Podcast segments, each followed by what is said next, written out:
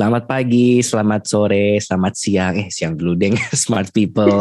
Selamat datang lagi di acara kita hari ini yaitu ngobrol dilit, ngobrolin digital lifestyle CFDS. Kali ini aku dan Mbak Ines akan membahas sedikit tentang fenomena yang mungkin uh, sudah lumayan dikenal oleh para smart people mungkin apa ya sudah membaca-baca beritanya atau mungkin melihat beritanya di TV yaitu tentang hmm. kasus-kasus para crazy rich ini yang ditangkap yang kemudian harta mereka disita dan ya pokoknya ini kayaknya apa ya seru juga sih melihat developmentnya di sosial media ini. Jadi uh, apa kali ini kita akan membahas tentang fenomena crazy rich dan mungkin akan lebih fokus kepada ini nih aspek flexing nih yang kerap kita lihat oh. di media sosial. Nah mungkin sebagai sedikit konteks dulu untuk uh, smart people yang mungkin uh, belum mengetahui tentang kasus ini. Jadi um, aku aku kakak aku nggak ngikutin kasus ini kakak. tak ceritain dulu kalau gitu. Karim. siap siap. Aduh aduh kakak jadi kasusnya ini itu yang yang yang setah, sepahamku juga ya yang lagi ngetren itu uh, apa membahas tentang dua orang nih Indra Kens dan Doni Samanan kalau nggak salah namanya itu ya Semoga hmm. benar. Nah, mereka ini adalah afiliator untuk aplikasi quote on quote trading nih, trading bodongan.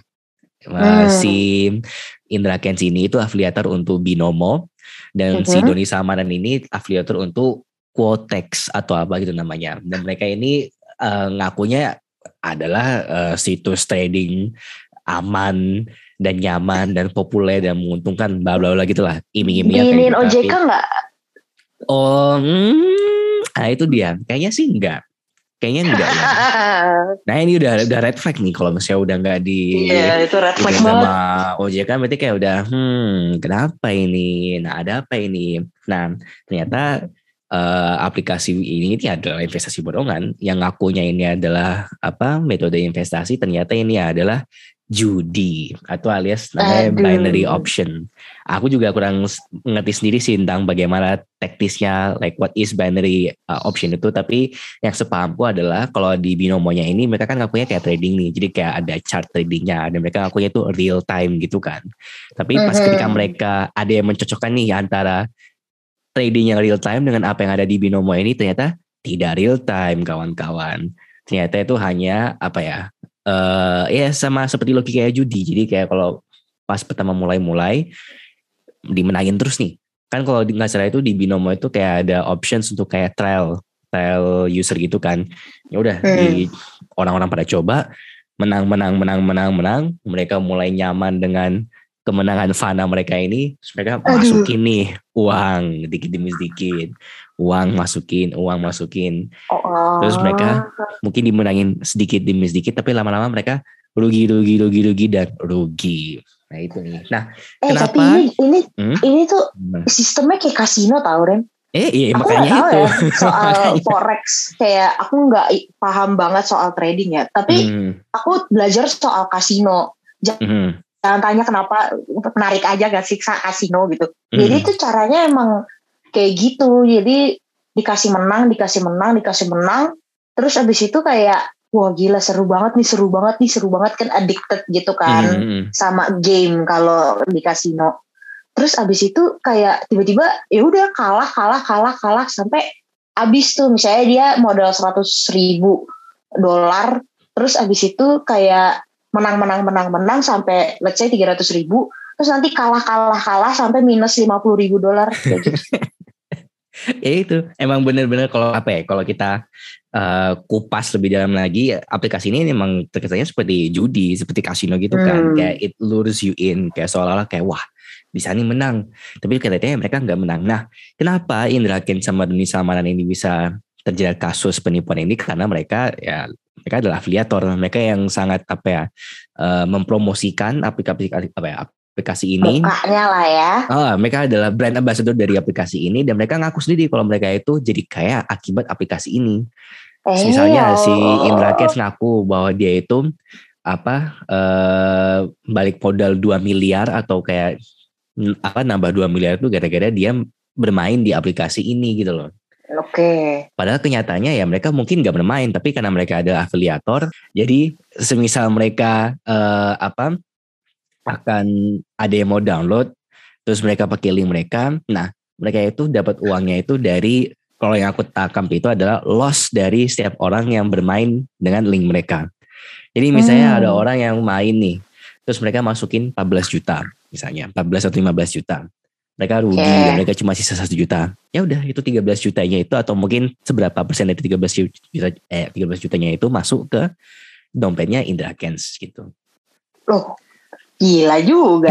Makanya makanya makanya makanya itu kan yang menjadi permasalahan dan makanya karena setelah terungkap kasus ini ditangkaplah mereka berdua dibawa untuk diinterogasi dan sebagainya. Dan kalau misalnya kita lihat di apa Twitter misalnya sekarang lagi rame nih bahas tentang mereka berdua karena uh, setelah mereka sudah terbukti bersalah, terbukti apa ya didakwa dengan uh, penipuan, pencucian mata uang dan sebagainya itu aset mereka disita sebagai barang hmm. bukti.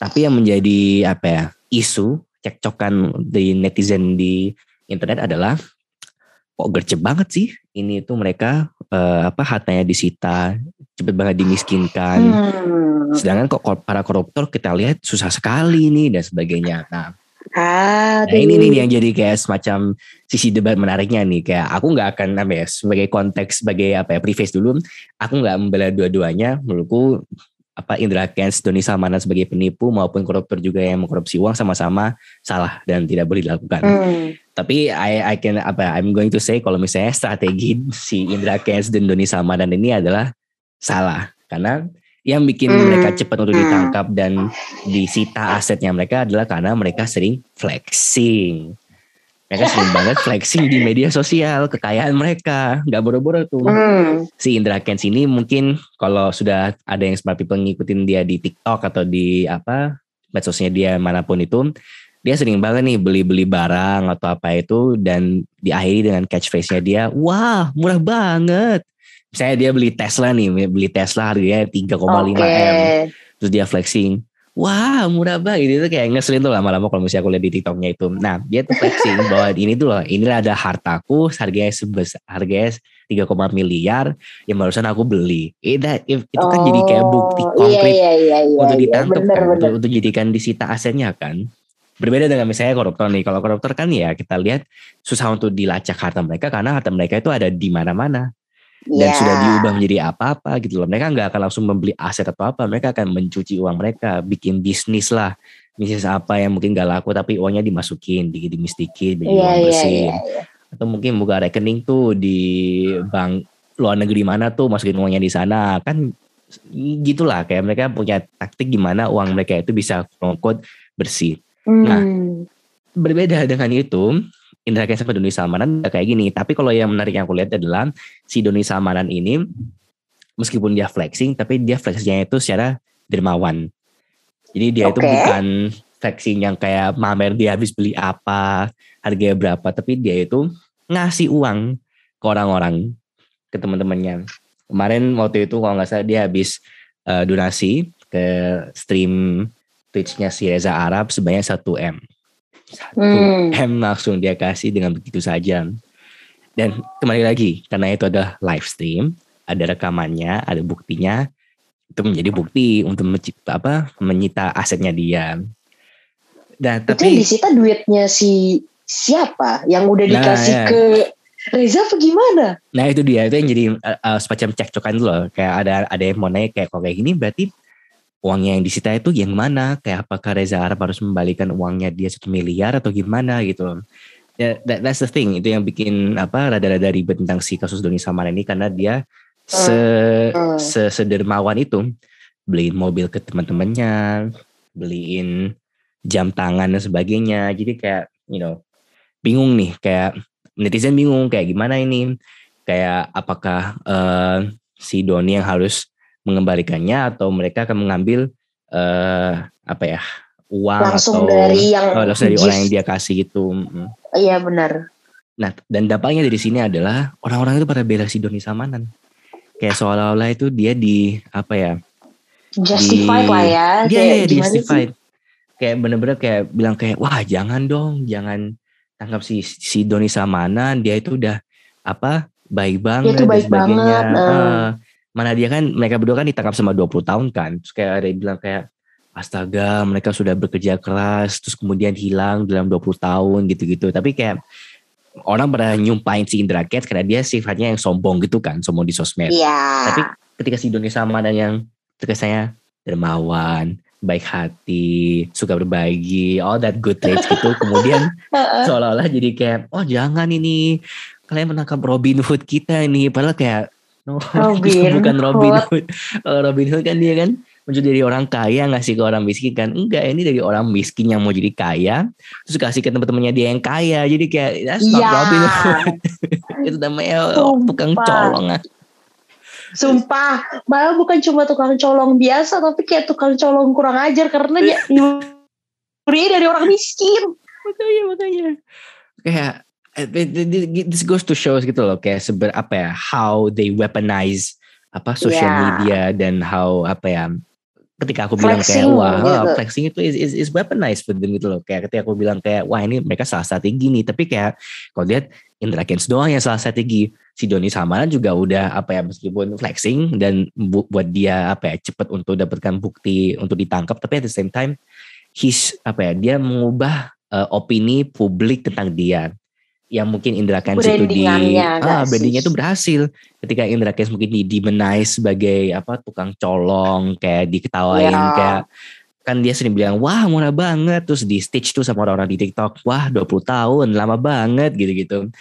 Nothing is done to Doni Samanan karena Doni Samanan itu ya dermawan suka ngasih uang gitu. Jadi kayak seolah-olah he's a saint among yeah, apa yeah. among these scammers gitu loh Makanya gini, ini agak bridging ke main topik kita yaitu budaya flexing. Ternyata seberbahaya itu loh.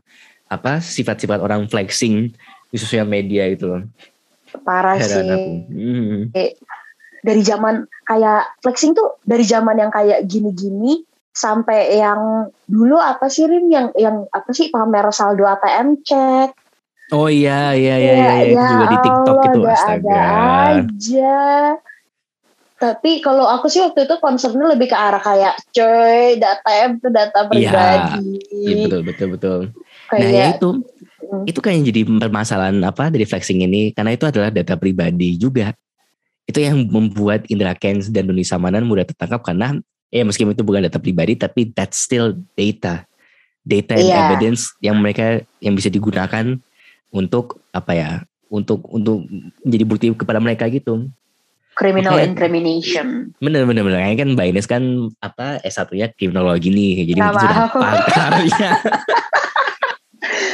soalnya tuh sebenarnya menarik tahu kasus-kasus di sosmed tuh kayak apa ya dulu tuh di krim aku belajarnya tuh kan korupsi kan sebenarnya hmm. belum ada dulu flexing flexing kayak gini waktu zaman aku S1 tuh belum ada kayak konten-konten pamer kekayaan kemudian berujung di bumi itu belum ada gitu jadi itu yang aku tangkap dari flexing sebenarnya tadi kayak ngomongin soal uh, kenapa bisa cepat banget gercep banget nih baris krim quote hmm. gitu ya polisi soalnya hmm. tuh kalau dari kasus-kasus korupsi ya benar tadi kata Karim uangnya dicuci terus belum lagi banyak negara-negara yang kayak Cayman Islands atau Swiss yang hmm. apa uh, offshore BKKDSB itu tuh kayak corruption 101 banget deh smart people Hmm. Itu tuh corruption 101 banget. Jadi kalau punya dapat uang kotor, cuci dulu, taruh di luar, terus nanti masukin lagi dengan uang yang lebih bersih. Nah itu tuh corruption one one. Nah tapi kalau misalnya flexing, hmm. ini tuh cold gimana ya? Ini tuh quote-unquote cold hard cash gitu loh dari apa Bener. yang ilegal ini. Dan ngomongin soal binomo ya, kalau Quotex aku nggak pernah denger gitu. Cuma kalau misalnya binomo, hmm. itu kan udah jelas banget dia nggak ada izin dari Bener.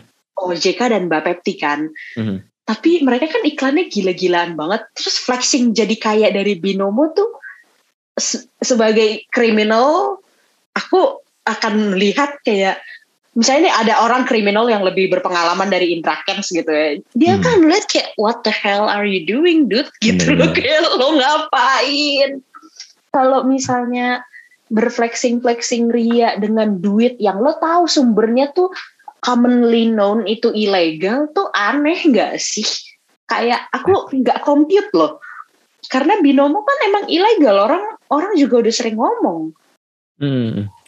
Ya itu. Emang sepertinya mereka nggak terlalu berpikir gitu loh mbak. Mungkin apa ya? Flexing aja dulu. Flexing aja dulu. I mean I mean apa ya let, let, gimana enggak gitu loh kalau misalnya orang tiba-tiba dikasih uang segepok 3M gitu out of nowhere kan mereka mungkin kayak apa ya apalagi kalau misalnya kita lihat dari ya yeah, juga kan. Tapi kayak kalau kita lihat dari backgroundnya si Indra Kents ini dia emang bener-bener apa ya aku nggak tahu kayak apakah bener-bener out of nowhere tapi kayak dia emang struggling gitu loh sebelum ini kayak dia emang bener-bener hmm. kayak kurang kuat bekerja keras dan sebagainya and to suddenly have tiba -tiba all of this money gitu. all of this wealth ya apa ya hmm. mungkin bagi Indra Kents it's only natural untuk memflexingkan bahwa aku berusaha nih aku di umur segini udah bisa punya mobil segini rumah sebesar ini bisa belanjain orang tua aku ini bisa ngajak adikku foto wisuda di luar negeri seperti ini dan sebagainya jadi kayak you know it's apa ya aku juga ngerti mungkin dari segi psikologi mungkin ada penjelasannya tapi kayak it, it sounds borderline narcissistic gitu loh old money whispers, new money yeah. screams. Yes, ya yes, kan? yes, yes. Benar, benar, benar, benar. Pada Dan saat yang, uh-huh. kayak uang lo, uh, pada saat lo miskin jadi kaya, lo tuh pasti pengen flexing. Bagaimanapun caranya, hmm. karena menurut aku yang dilakukan oleh si Doni Sal Salmanan ya namanya tadi, hmm. si Doni Salmanan pun flexing loh, kayak flexing. Eh gue bisa ngasih teman-teman gue kayak gini nih, gue bisa uh, gila lo gue bisa donasi streamer 1M on the spot nih kayak gitu itu tuh flexing juga gitu cuma a different type of flexing aja daripada Indra Kens yang nge uh, flexnya ya narsisistik tendensi hmm. tapi satu sisi Doni Salmannya juga narsisistik gak sih kayak wah gila Kang Doni keren banget Kak gila Kang Doni kemarin baru ini kayak ya itu flexing juga sebenarnya sama-sama stroking your ego gitu gak sih? Hmm, hmm.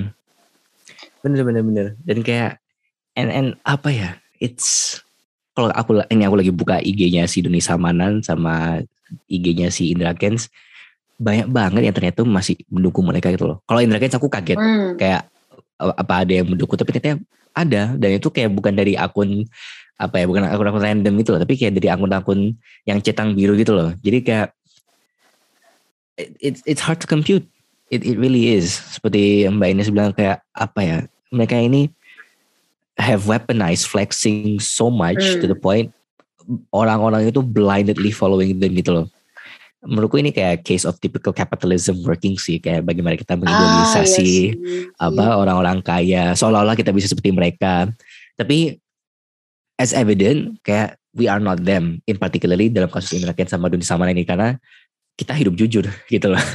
Iya. yeah, kayak, yeah, kayak ada ada Twitter ya apa ya ada tweet yang aku lihat dari kemarin di Twitter itu kayak mereka point out kayak wah apa ya uh, on the bright side dari kasus ini itu ini cukup meringankan beban bagi generasi kita umur 20-an, 30-an dari semacam lifestyle expectancy ini karena ternyata kita kayak nggak bisa jadi mereka. Kita hidup jujur berbeda dengan mereka yang menipu dan berbohong ah, gitu. Iya sih.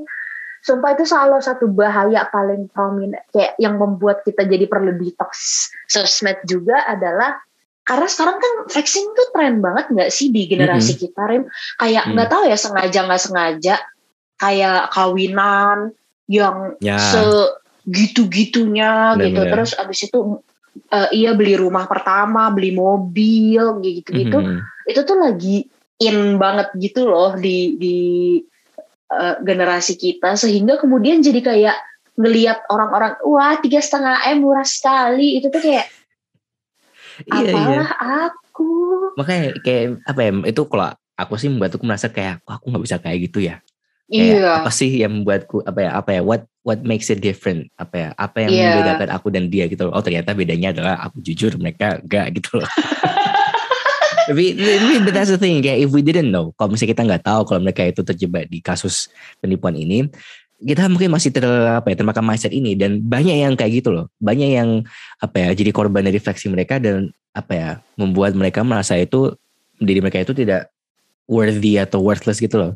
Seolah mereka mikir kayak ya Allah aku umur udah mau 30 tahun kok saldo di iya. rekeningku nggak pernah nembus dua digit gitu loh. Kayak itu terus mereka kayak masih umur 20-an kok udah bisa nembus 3, miliar gitu. Itu kayak yeah. it makes you kayak what am I doing with life? What am I doing wrong? Kayak aku udah bekerja keras salahku di mana gitu loh. And dan karena kita melihat bahwa mereka itu bisa sekaya itu dan mereka ngakunya dengan cara-cara ini misalnya dengan aplikasi bodong ini sebagai orang yang, yang ingin seperti sih, mereka pasti. ikut pasti ikut. Jadi bahayanya di situ loh. Weaponizing the flexing not only gains them the support that they need, tapi mereka juga mendapatkan apa ya korban baru dalam arti ya kita yang tertarik untuk mencoba investasi ya seperti mereka biar bisa menjadi seperti mereka. Iya Dan ya sih. ya kita termakan gitu loh. Kayak who doesn't want to iya be rich sih. gitu loh. Sumpah susah sih untuk untuk kayak menghindari uh, gimana ya susah untuk menghindari dampak buruk dari flexing pada saat Anda tidak Anda masih melihat kayak konten flexing itu sendiri. Iya gak sih? Hmm. Kayak hmm. misalnya nih mungkin kita sebagai manusia biasa aja gitu Rorim. Kayak biasa aja kayak hmm. enggak enggak pengen enggak butuh flexing flexing amat juga gue nggak butuh Tesla tiga setengah m gitu Honda Brio aja gue udah seneng misalnya kayak gitu cuma kayak pada saat kayak lu terus-terusan nonton nih kayak wah murah sekali. Terus ada kayak eh streamer gue kasih A 1 M kayak gitu. Kayak sulit untuk lo merasa, tidak merasa lo tuh kayak kok gue nggak kayak gitu ya? Gitu loh. Mm-hmm. jadi bener, bener, kayak kalau smart people ada kepikiran kayak terus gue harus apa nih ya biar soal supaya gue ter, tidak terpapar flexing? Ya lo nggak boleh nonton konten apa-apa sih jujur kayak hmm. di bener, personal bener. timeline orang masing-masing aja tuh ada orang yang kayak Indra Kens ya yang emang flexing jokutnya tapi hmm. ada juga flexing-flexing lain yang kayak sengaja tidak sengaja bisa berkedok eh, apa namanya membagi kebahagiaan bisa tapi jokutnya jadi ter kayak apa ya ini complicated sih kayak terpersif jadi flexing gitu Hmm. Cuma ya kalau menurut aku sih soal perflexingannya Doni Salmanan ini sih perlu diomongin, perlu diteliti lebih lanjut sih. Ini soalnya kayak bagian dari apa sih? Ada tuh uh, di Indonesia juga ada penelitiannya yang eksploitasi kemiskinan itu loh. Oh iya iya iya iya. Orang tuh senang kak untuk mengeksploitasi fakta kalau orang lain nggak punya, kita punya, kita membantu orang yang nggak punya. Hmm. Ya, ya itu kan yang, emang jadi konten prime konten di TV-TV nggak sih kayak bedah rumah gitu-gitu. Yes. Kayak it goes just beyond kayak lebih daripada sekedar oh ini youtuber influencer flexing iya dia dermawan dia baik gitu padahal kalau kita telah ah satu-satu omongan netizen jadi aneh nggak sih Rin? In the end mereka sama-sama penipu Bener-bener. Tapi satu dipersif lebih tinggi gara-gara model flexingnya quote quote itu adalah kedermawanan gitu. Padahal kedermawanan ini juga toksik mm-hmm. gitu. Kayak makanya wah gila deh. Sebenarnya kalau ngomongin ini di ngobrol di tuh agak kayak ar gitu gara-gara itu bisa kudu perlu definisi konsep tersendiri gitu loh. Mm dibandingin kalau kita nulis studi kasus gitu ya soal eksploitasi kemiskinan lewat flexing modelan Doni Salmanan gitu. Eh, Rim turis Rim ayo bulan depan. Aduh bisa semoga semoga semoga bisa skripsi dulu lah tapi. ya gitu sih jadi agak-agak apa sebenarnya flexing tuh in the end apa sih kayak yes. tujuan untuk apa terus kayak other than stroking ego sama kayak uh, yang lebih bahaya lagi. Lo nggak tahu kalau lo tuh lagi flexing gitu. Hmm, that's true. Soalnya let's say kita semua melihat di sini kan kontennya Indra Kens kan literally kayak nih flexing banget nih orang gitu. What if hmm. Indra Kens kan mikir kayak gitu? Iya ya. What if? Tering tering tapi kayaknya terlalu big what if sih kayak emang dia emang ingin flexing sih kayak it's very apparent kalau dia tuh emang apa tipe-tipe narsisis yang kayak baru kena sama uang baru gitu loh kayak yeah, you money screams gitu dan apa ya aku nggak tahu kayak I have a very apa ya mungkin ini rada-rada bias tapi kayak distaste kepada orang-orang yang kaya seperti ini tuh loh kayak dalam arti uh. eh apa ya the the drama of rich people. Jadi kayak tiba-tiba si Indra Kents ini kemudian disenggol nih sama old money. Tapi kayak when you really think about it, even old monies are like apa ya satu one viral article away from being cancelled gitu loh. Karena yeah. ya that's the true apa apa ya kayak wealth accumulation sebanyak ini kan emang permasalahannya adalah kayak is the money clean or not gitu loh. Bodoh yeah. amat kayak mau dia itu yang udah terkenal apa sebagai penipu atau enggak tapi kayak apa ya aku mungkin ini personal bias tapi kayak apa ya aku percaya kayak there is no ethical means of accumulating wealth that much without exploitation gitu loh. Oh my ini, god. ini mungkin agak, agak, agak melenceng gila, gila, dari gila, gila, serem, serem, serem. kayak apa ya? Aku rasa kayak pasti ada threshold di mana kayak apa ya wealth accumulation mereka itu pasti akan melibatkan eksploitasi dalam bentuk apa pun gitu loh. Yes. Mau itu misalnya apa ya uh, underpaying employees, mau yeah. itu cut cost dari production, or in yeah. this case penipuan ya, aplikasi bodong, kayak yeah. apa ya? The, the question becomes kayak is everyone's money clean gitu loh, kayak apakah semua orang memiliki uang kurung yang bersih gitu loh. Tapi mungkin ini terlalu terlalu jaji ya, kayak I'm not trying to point fingers kayak kalau orang kaya itu adalah salah tapi kayak dan seharusnya uang mereka itu seharusnya didistribusikan demi kepentingan sesama bayar pajak dan lain-lain. No. Tapi kayak maksudku you know let's be more critical. Kayak yang aku yeah. rasa jadi permasalahan dari apa ya fenomena flexing ini adalah kitanya yang sedemikian rupa mudah untuk percaya bahwa mereka itu segampang itu bisa kaya. Iya benar benar. You apa ya I, apa ya maybe yes maybe it's that rich for them to be rich gitu loh that that's easy for them to be that rich. Tapi tapi tapi tapi bukan berarti kita juga bisa gitu. Ah, maksudku kayak kita nggak bisa kaya. No no. Tapi kayak kita itu harus tidak sadar, semudah itu. tidak semudah itu. Dan ketika iya semudah itu pertanyakan kok bisa semudah itu? Iya, tidak mungkin, nah, nggak nggak mungkin semudah itu kayaknya itu kayak yang alamiah, kayak yang apa ya kayak yang halal gitu. Jujur mau, kayak yang jujur. Iya kayak yang jujur. Kalau mau put in terms of halal haram kayak you know question it apakah itu cara yang halal gitu loh. And like mungkin karena itu, mungkin karena mereka itu karena kita sendiri tidak tidak sekritikal, sekritikal itu merasa bahwa ya mungkin kita bisa maybe it's possible gitu loh. Apalagi dengan cerita iming-iming kayak wah si Bill Gates ini drop out dari kuliah gitu loh. Tapi kayak ah, loh, dia iya, iya, drop outnya iya, iya. Harvard gitu loh. Kayak kalau kamu drop outnya dari UGM IPK 2,5 mah ya boro-boro gitu loh. dia drop out juga udah pinter gitu loh. Yeah. Kayak, kayak apa ya? Cari kita tuh cenderung cari picking success stories dari orang-orang kayak ini dan seolah-olah merasa bahwa wah kita bisa nih, kita tuh bisa kalau misalnya kita mengikuti cara mereka ini. Malah kita nggak melihat bahwa sebenarnya di belakangnya itu ada privilege-nya juga gitu loh. Iya. Yeah. Mungkin ada hal yang membuat mereka itu pada posisi di situ yang kita nggak bisa. Ah, faktor X yeah. yang kita nggak bisa gapai gitu loh. Mungkin faktor Y, mungkin faktor Z kita mungkin bisa. Faktor X-nya ini loh yang bikin yang yeah. bener-bener kayak you can't. Kayak ternyata kalau Indra Kate sama Doni Samanan faktor X-nya adalah mereka menipu oh mungkin yeah. kita bisa. Mungkin kita bisa dan kita mau. Tapi kayak you know kalau kamu kayak gitu ya kamu nanti hasil outcome-nya seperti Indra Kens dan Nurdin Salmanan. Ditangkep tuh diambil hasilnya sama Baris Krim. Gitu gitu loh.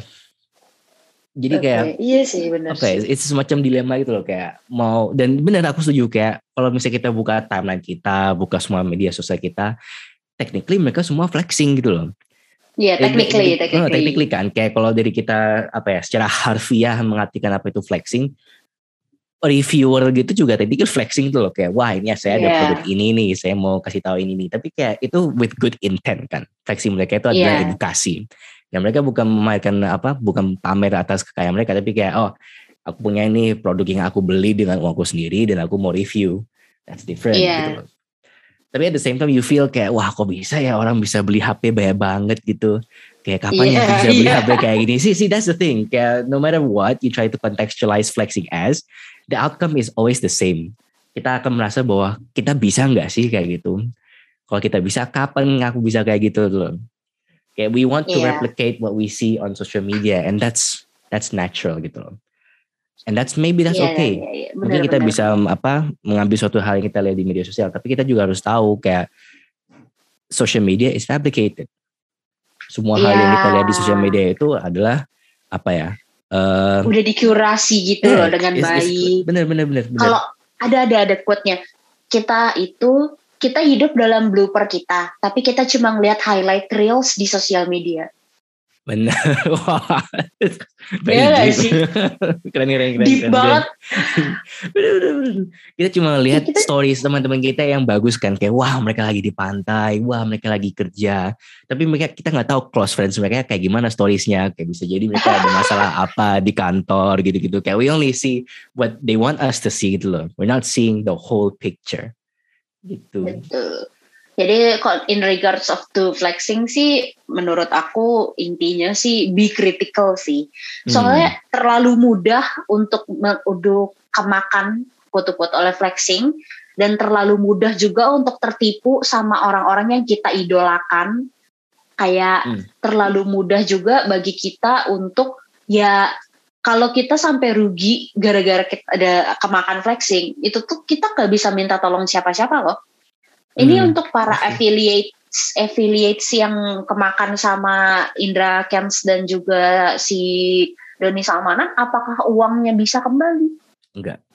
Enggak akan, akan bantu bisa. kalian. No. Iya. Cuma oke okay, they were brought into justice, mereka dihukum, asetnya dibukukan, ya tapi dibekukan kan? Iya. Enggak diredistribusikan gitu. Hmm pun juga apa ya aset mereka disita terus dihilangkan itu masuk ke kas negara bukan masuk ke kantong Betul. kita lagi. Dan yang lebih sedih itu adalah ada orang-orang yang rugi hampir kayak 250 juta gara-gara kemakan sama omongan mereka ini. Jadi kayak kalau misalnya ada yang bilang kayak apa ya di media sosial kayak yang masih mendukung mereka kayak you know realize gitu loh kayak they are real life victims. Ada orang-orang yang benar-benar jadi korban dari mereka dan itu bukan uang kecil bukan Mm-hmm. pun juga, I mean, uang kecil relatif kan kayak bukan uang apa ya, uang istilah uang gitu loh. Jadi mereka kayak rugi dua lima puluh juta itu loh. Bayangin ada orang yeah. yang hampir yang udah ngelising motor mereka, jual rumah mereka semua karena mereka ingin meniru kekayaan Indra Kents dan Doni Samanan. Hanya hmm. ingin meniru apa ya, beriming-iming dan meng, meng, apa ya, mengandaikan bahwa mereka bisa sekaya itu dengan menggunakan cara yang mereka promosikan yang ternyata adalah investasi bodongan. sedih banget gitu loh. Kayak kalau dilihat kayak benar-benar sedih kayak apa ya dan dan mereka nggak bisa minta bantuan ke siapa-siapa itu yang jadi masalahnya. Mereka nggak bisa nggak bisa minta uangnya balik dari Indra Kent sama Doni Salmana. Mereka nggak bisa minta uangnya balik dari aplikasinya. Mereka cuma bisa melihat dari kejauhan. Negara juga. Negara juga nggak mau bantu mereka karena ya itu kesalahannya mereka sendiri karena ini kan bukan aplikasi yang diregulasi oleh negara kan dan ini yeah. kayak iya. bukan aplikasi yang apa ya, it's not legal gitu loh dan dari yeah, awal kan stance-nya negara kan kayak kalau itu ilegal ya udah salahmu gitu loh kayak mungkin yeah. itu juga apa ya it becomes a whole debacle again kayak bisa jadi diskusi baru nih kayak siapa yang bersalah di sini apakah negara yang salah karena tidak meregulasi apa dan uh, aplikasi ilegal ini atau masyarakat yang masih teriming-iming dengan cara ilegal ini tapi sejauh ini kalau kita lihat dari kasusnya pinjol, stance negara kan adalah ya kalau emang udah terjadi dari kasus ilegal, jangan turuti, as in kayak nggak usah bayar lagi dan sebagainya, kayak hadapi konsekuensinya itu loh. Tapi this is different. Yeah. Ini kita nggak minjem uang, kita kita berharap investasi gitu loh. Ini kan beda lagi. Kita naruh uang dengan harapan uangnya bisa berlipat ganda. Dari situ udah udah salah sih sebenarnya gitu loh. Jadi kayak sebenarnya kalau dilihat dari stance-nya negara tuh kayak badan investasi di Indonesia itu kan kayak gimana ya? Di sebenarnya badan koordinasi penanaman modal juga enggak bukan apa ya? Kayak mereka tuh tidak segaung itu kut-kut gimana hmm. sih? Jadi tuh agak sulit kalau misalnya mau lihat stance negara terhadap investasi itu apa.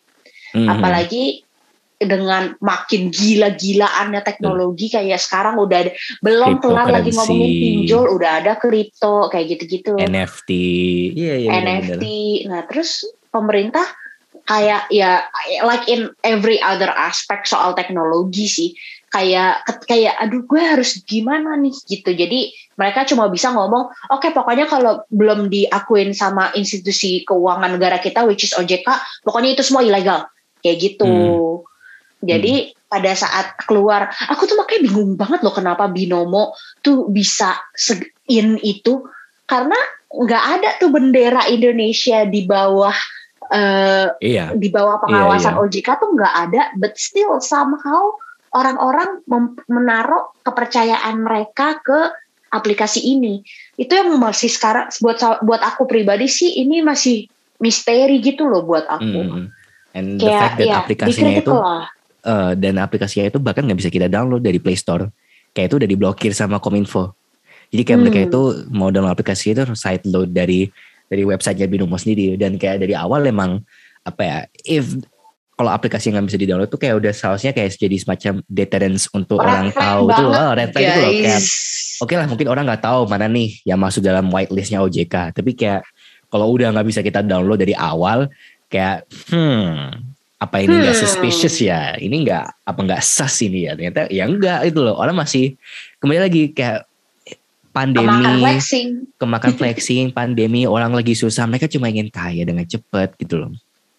Pasti kayak ada semacam internalized reasoning kayak merasa kayak ya Allah keadaan juga cuma kayak gini uang cuma kayak gini kayak bisa nggak ya aku kayak mereka? Ya udah mereka coba dengan uang yang mereka soalnya nggak gunakan buat investasi itu juga udah salah kayak hmm. kayak apa ya terlepas dari mereka ketika mereka juga tidak memiliki apa ya the know how of investing mereka As the, hmm. dari itu kembali lagi itu permasalahan dari flexing.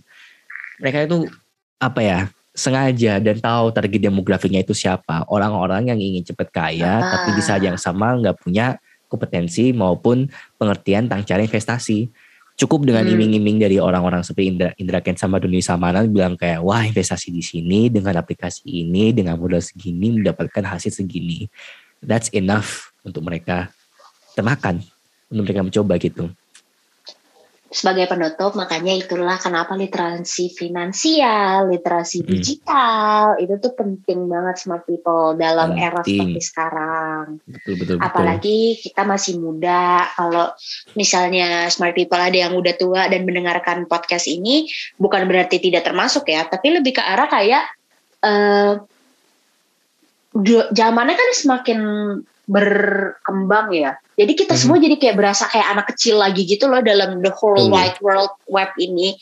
Jadi semuanya sama-sama harus belajar ya, ulang literasi finansial. Kalau misalnya udah tua dan merasa kayak gue udah literate banget nih finansialnya, belajarlah cryptocurrency, NFT, kayak gitu-gitu. It's selalu ada hal yang baru untuk meningkatkan literasi kita semua, baik finansial maupun digital.